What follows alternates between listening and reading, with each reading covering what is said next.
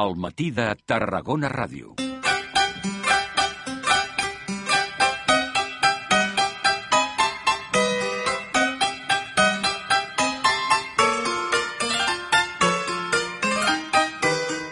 Comencem uns minuts màgics en què tanquem avui el programa. És el Realitat o Ficció que ens porta com a cada mes el Mag Gerard. Gerard, bon dia. Bon dia a tothom. Què? Preparat i a punt, a punt amb, amb el que explicarem avui. Sí? Vols Fem- beure una mica d'aigua? Vols una mica d'aigua? Vols aigua? Ah, perquè això està relacionat avui amb el que explicarem. Fem un sumari ràpid i després doncs, ja, ja expliquem el- els temes que tenim avui. Història de la màgia. Parlarem del Harry Anderson. Potser eh, la gent que ens està escoltant el nom de Harry Anderson ara mateix no li posa cara, però si diem que era el protagonista d'una sèrie dels anys 80 que es deia Juzgado de Guàrdia, que feien per la primera cadena i després als anys 90 la van passar a 4, doncs segurament ja molts diran ah sí, el jutge aquell tan divertit que, que sortia a la sèrie. Doncs parlarem d'ell perquè, a part d'actor, va ser un gran, gran mag.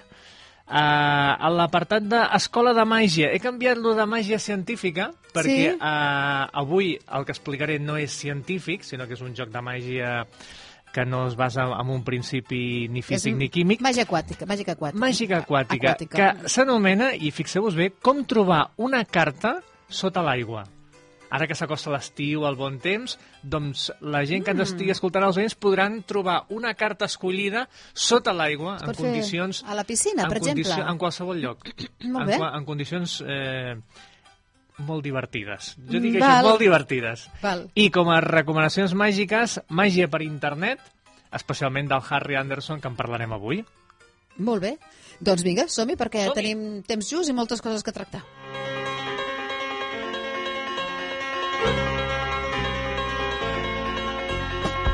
Com sempre, recordar aquesta secció la fem conjuntament amb el Daniel Arbonés de la web www.magia.cat. Així que si entreu a la web www.magia.cat veureu el fantàstic post que, com sempre, el Daniel ens prepara. Veureu vídeos, veureu material inèdit, fotografies del mag que avui parlarem. El Harry Anderson, que va néixer el 14 d'octubre del 1952 a Newport, a Rhode Island. De petit li agradava la màgia, com a molts dels que ens hem dedicat a, en aquest món. Als 17 anys es va fer mag de carrer, mag professional de carrer. Mm. Això de l'street magic, que ara la màgia de carrer s'ha fet de moda en els últims anys, en programes de televisió com el David Blaine, el Chris Angel i tota aquesta gent, doncs el, la màgia de carrer ja fa molts anys que va pel món amb un format diferent, doncs el típic mag de carrer que podríem trobar per les Rambles de Barcelona, que eh, algun encara de tant Sí. tant hi és, doncs el Harry Anderson es guanyava la vida, eh? és a dir, no és allò que dius demanava caritat, fer el seu espectacle, passava la gorra i tenia uns bons ingressos. Això era a San Francisco. Després de l'any 71 al 76 va viure a Oregon i va treballar com a mag i actor, que això d'actor és el que després, ara en parlarem, va potenciar la seva carrera eh, escènica. A Oregon va, va participar, entre d'altres, a l'Oregon Shakespeare Festival, fusionant la màgia i el teatre. És a dir, algunes de les coses que feia dels sketches de Shakespeare estaven eh, farcits amb il·lusions màgiques, amb jocs de mans. Sí. És a dir, que encara potenciava més la, la, les escenes de, del Shakespeare. Carrera màgica com a artista i actor mediàtic. Doncs mireu, moltes aparicions al Saturday Night Live, que és un dels programes eh, que molts còmics com Lady Murphy, el John Carrey, als Estats Units, Sí. a principis dels 80, havien sortit en aquest programa i després doncs, eh, s'havien fet famosos per poder participar a sèries de televisió, etc. També el programa del Johnny Carson, que seria l'Andreu Buenafuente americà, no? Sí. un, un dels, dels clàssics, no? I eh, en aquelles aparicions televisives, el Harry Anderson interpretava el seu personatge, que s'anomenava Harry the Hat, que vol dir Harry el barret, no? Harry, el, eh, Harry el sombrero, en castellà. Perquè sempre portava un barret, un barret dels típics de... Eh, De gànster, d'aquests de gàngster, de, exacte, de, de, una mica de, de, gran, prin- no? de principis del segle XX, no? el típic, el típic eh, barret de gàngster, sempre anava amb una corbata, uns tirants, un, un personatge molt, molt, molt, molt divertit. Havia participat també a Cheers, eh? la, la Sí. famosa sèrie de televisió que es, eh, era en un bar que sempre passaven coses i interpretava aquest personatge, el Harry the Hat, que sempre arribava i es quedava una mica amb la gent fent apostes que guanyava calés i no pagava la beguda, era, anava d'aquest rotllo, no? També eh, una cadena americana li va donar per, li va, el, el va programar per fer un unipersonal a televisió que es deia Hello Sucker, que vol dir hola tonto, no? Hola, hola, Sí. hola, hola tonto, no? I era un unipersonal de la seva màgia. Simultàniament va, eh, va començar a gravar la sèrie Juzgado de Guàrdia de l'any 84 al 92 agafant fama a nivell mundial. És a dir, per arreu del món es va passar aquesta sèrie amb molts d'èxits. Als anys 80 la van veure aquí a Televisió Espanyola i després a partir del 2000 al 4 també l'anava passant. I 4 també va passar una sèrie d'ell que era El món de Dave, Dave's Wall Eh? del 93-97 Uh, i a part d'això havia participat doncs, uh, us recordeu els que teniu ja una edat com jo jo tinc 42, eh, per si algú no diu quina edat té aquest senyor, el Mac Gerard l'imperdible Parker Lewis Home! una sèrie a TV3 Va, no em digues que sortia aquest senyor. doncs va fer aparicions estel·lars. Sí? Sí, després també a Lois i Clark, la, la sèrie del Superman, que s'havia fet eh, popular també als anys 2000 o així, també havia participat fent, de, fent diferents papers. És a dir, que és una persona molt mediàtica a nivell televisiu, però que darrere té una carrera molt important de mag, que és el que avui en parlarem. Mireu, la seva màgia, com era? Original, fresca, atrevida i visual. Si al Google Imatges poseu Harry Anderson Magic, Magic doncs veureu eh, d'entrada eh, aquests adjectius que us dic. No? El personatge era molt definit i únic. Rutines famoses que era conegut el Harry Anderson. El joc del Three Card Monte, que és les tres cartes, allò que diuen on és la reina, que es tenen tres cartes i les barregen. Doncs aquesta era la seva especialitat i tenia moltes versions d'aquest joc, amb cartes normals o cartes mega, hiper, super gegants. Sí. Cartes molt grans i al final totes es transformaven en el rei de cors, que era la carta que havia d'escollir el públic, no? Molt, molt divertit. Un altre clàssic d'ell era l'escapisme amb camisa de força, que amb la seva dona feien una competició. Ell estava lligat amb una camisa de força i la seva dona lligada amb, una, amb 50 metres de corda al voltant d'una cadira. I qui primer aconseguia eh, deslligar-se no? Tant, o de la camisa o de la corda, guanyava. I era molt divertit perquè veies que tots dos estaven lluitant, es, es començaven a, a, a donar cops, no? I al final, doncs... Eh, no, no t'explico el final, està penjat per internet, el podeu veure i gaudir. Però, però eh, la seva dona també és maga? O... Sí, la, La, es va, casar, va estar casat diferents vegades i la Va. Leslie, que, la, que era la primera, doncs participava en els seus espectacles. I aquest és un dels números que van fer al, al Tonight Show.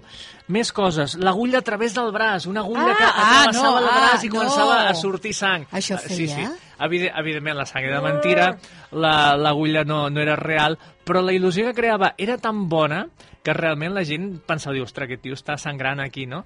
I a més a més la posada en escena era molt, molt divertida. I després un altre dels seus clàssics era un bitllet d'un espectador eh, desapareixia, el cremava i apareixia a l'interior d'un paquet de tabaco eh, precintat de fàbrica. El desprecintaven, treien el paper de celofan i dintre estava el bitllet de l'espectador que coincidia amb el trosset, però entremig del joc passaven moltes coses, no? És un dels mags més admirats arreu del món, ens va deixar el 6 d'abril de- d'aquest any, amb 65 anys, i mags importants com el David Copperfield, doncs al seu Twitter van penjar una foto amb les cartes gegants, que eren del Oh. Harry Anderson, dient que ens havia deixat un dels grans de la màgia, i mm, eh, és un mag que ha influenciat a molts, molts, molts il·lusionistes. Eh, qui parla, eh, jo sóc molt fan i, i he estudiat el llibre del Harry Anderson que explica no només la seva vida sinó també els seus jocs i estudiant la seva màgia pots trobar un estil propi per no imitar a la gent no? és a dir que és, Sí? un, és, un, és un mag molt bo per estudiar i per aprendre com ser diferent dels altres, no? I això es pot aplicar a qualsevol camp artístic, no? No només la màgia, sinó també la música o el teatre. Harry Anderson, poseu-li cara a través d'internet, Mhm. de la pàgina... Google Imatges o Sí? YouTube, que ara, que ara ho veurem, i, I, si no, i així doncs, la, la, la gent no pot, pot revisar la seva, la seva fantàstica obra. Doncs eh, vinga, uh, obriu les aixetes, no ho sé, llanceu-vos a la piscina que anem a fer màgia aquàtica. Màgia aquàtica. Mireu, té dues parts al joc de màgia aquàtica. La primera és trobar una carta que ha escollit un espectador a la baralla. Que Sí. això dius, val, això ho podem fer. I la segona part és trobar-la sota l'aigua. Jo explico la primera part, perquè la podeu fer, i després explico la segona part. Mm. He de dir que uh, això era una presentació semblant que feia el Harry Anderson, és a dir, espereu-vos, perquè això vol dir que el joc serà uh, amb comèdia, és a dir, serà divertit. Eh? Mireu, uh, la idea és que jo li dono, per exemple, a la Núria una baralla de cartes que està barrejada i la deixo damunt la taula. Ella agafarà una carta, agafa una carta del mig de la baralla, la mira, Sí. La col·loca damunt de la baralla i talla diverses vegades perquè la carta es perdi. Jo no he tocat res, fixeu-vos bé que l'espectador ho fa tot, agafa la carta del mig, la col·loca dalt, talla, etc. Tu agafes la carta, per primer cop la baralla de cartes, les mires davant, de, o mires els ulls de la persona, comença a mirar les cartes, en treus una i preguntes a la Núria, quina carta havies agafat? Digues una, com si haguessis agafat una. Buah, el 3 de... d'espases. El 3 espases, si és d'Espanyola, el 3 espasa, i la carta que jo hauria separat seria el 3 espases, és a dir, espectacular, perquè no Ja toques les d'entrada cartes. ja sí. D'entrada ja és bo. I Sí. si ho fas sota l'aigua ja és flipant. Doncs tu, el que proposes amb un espectador, dius, jo sóc capaç de trobar la teva carta sota l'aigua. Si ho aconsegueixo, què, què em dones? Dius, un sopar, una mariscada, perfecte. Si compleixo l'anunciat, trobo la teva carta sota l'aigua, doncs guanyes una mariscada. Veieu que, no s'ho està dient tot ell, eh? Sí, sí, que no- ell se fa tota la pel·lícula, fa sempre- d'ell, fa de mi, fa de tot. Però sempre hi ha algú que diu que sí, Que sí, i et paga la mariscada, que és el que consisteix. Bé, si no és una mariscada, pot ser un Pot ser sopar... cosa més modesta. Més modesta. Un vermut al xiringuito de la platja, una neu... Sí, en fi, pot ser... L'important és poder menjar gratis. com, com es fa la primera part? Mireu, eh, barregeu una baralla de cartes i en el moment de deixar-la damunt la taula heu de mirar quina és la carta de sota. La que quan deixeu les cartes damunt la taula està en contacte amb la taula. Sí. És l'última carta. Li dieu a una persona que agafi una carta al mig. La persona l'agafa, la mira i vosaltres, evidentment, no sabeu quin és. Després, aquesta carta la deixa damunt de la baralla i talla. Talla una vegada. Talla una vegada, o les vegades que vulgui, diverses. Què passa? Que al posar la carta al damunt i tallar una primera vegada, la carta que havíem vist a sota s'ajunta amb la de l'espectador. I encara que tallis di- diverses vegades, doncs la carta no es perd de posició. Quan tu agafes la baralla de cartes i les mires totes, busques la carta que tu havies vist i la següent és la que ha agafat l'espectador. És un joc molt, molt, molt senzill, però si es fa de forma Sí, sí. eh, correcta, segueix impressionant molt a la gent. Mm -hmm, sí. És a dir, la primera part, ja sense tocar una baralla de cartes, has aconseguit trobar la carta que han agafat. Com fer-ho sota l'aigua? Doncs molt senzill, agafes una ampolla d'aigua, te la col·loques damunt del cap i fas el joc sota l'aigua i guanyes una mariscada. Jo he guanyat Oh. més d'una fent aquesta poca soltada. Oh! Sí. Oh, que poca solta! Però molt, però és molt divertit de fer, perquè realment el que tu has dit, sota l'aigua, agafes una ampolla o un got i te'l poses damunt del cap i amb l'altra mà trobes la carta i realment sota l'aigua Sí, i la aconsegueixes... gent, la gent et paga mariscades? Sí, No sé. simplement, simplement perquè... Di... I, I després ho puc fer jo? I sí, sí, evidentment després ho poden Gerard, fer. això és perquè tenen moltes ganes d'anar a sopar amb tu. També, també pot ser. Perquè, home, si no, a veure... Hi ha hagut de tot, des d'entre- des d'entrepans de calamars fins a mariscades, Ah, no? Però vaja, que el ventall ha sigut força ampli, eh? fins i tot pizzas, allò, de tot, de tot, de tot. Quina barra, quina barra Però que és molt divertit, home. és molt divertit i si, i si ho feu veureu que la, la, la gent riurà una bona estona i ho faran, perquè és Clar, aquelles a coses més, que... ho pots proposar de fer quan estàs a la piscina, no? Que llavors la gent es Exacte. pensa que et posaràs dins Sí, la sí, sí, piscina sí, i sí. tal. I agafes no? un got, un got d'aigua, una, una ampolla d'aigua, te'l poses damunt del cap i amb l'altra mà. Trobes la carta i la gent queda boca badada i esma perduda. Molt bé, ja m'ha avisat abans el Gerard, diu, no t'esperis una gran revelació amb aquest. Dic, Diu, vale, sota vale. l'aigua, diu, diu, això és espectacular, no? Això és tipus David Copperfield, avui. Dic, vera, eh, ho expliquem al truc, és a dir, tampoc no esperis que si expliquem sigui aquí per tirar coets, no? Però si ho proveu, de veritat, és una broma màgica que té, està compensada la broma i la, i, la, i la màgia. Per acabar, que em queda un minutet, no? Un minut més o menys. Parell. Recomanacions màgiques. Avui hem parlat del Harry Anderson. Si entreu al, com és dit, al, al, al post del Daniel Arbonès, magia.cat, veureu molts vídeos del Harry Anderson. Ha fet una selecció de les millors intervencions i, i està molt, molt bé. Si a més a més voleu eh, gaudir de la sèrie Juzgado de Guàrdia, si entreu al Dailymotion i poseu Juzgado de Guàrdia, està penjat el primer episodi en Oh. castellà de la sèrie, amb un Harry Anderson molt jove, que d'entrada ja fa una, una poca soltada, una broma molt divertida, a l'episodi, i, i així recordeu aquest gran actor i gran mag que ens ha deixat fa poc, però que la seva màgia encara està viva per internet.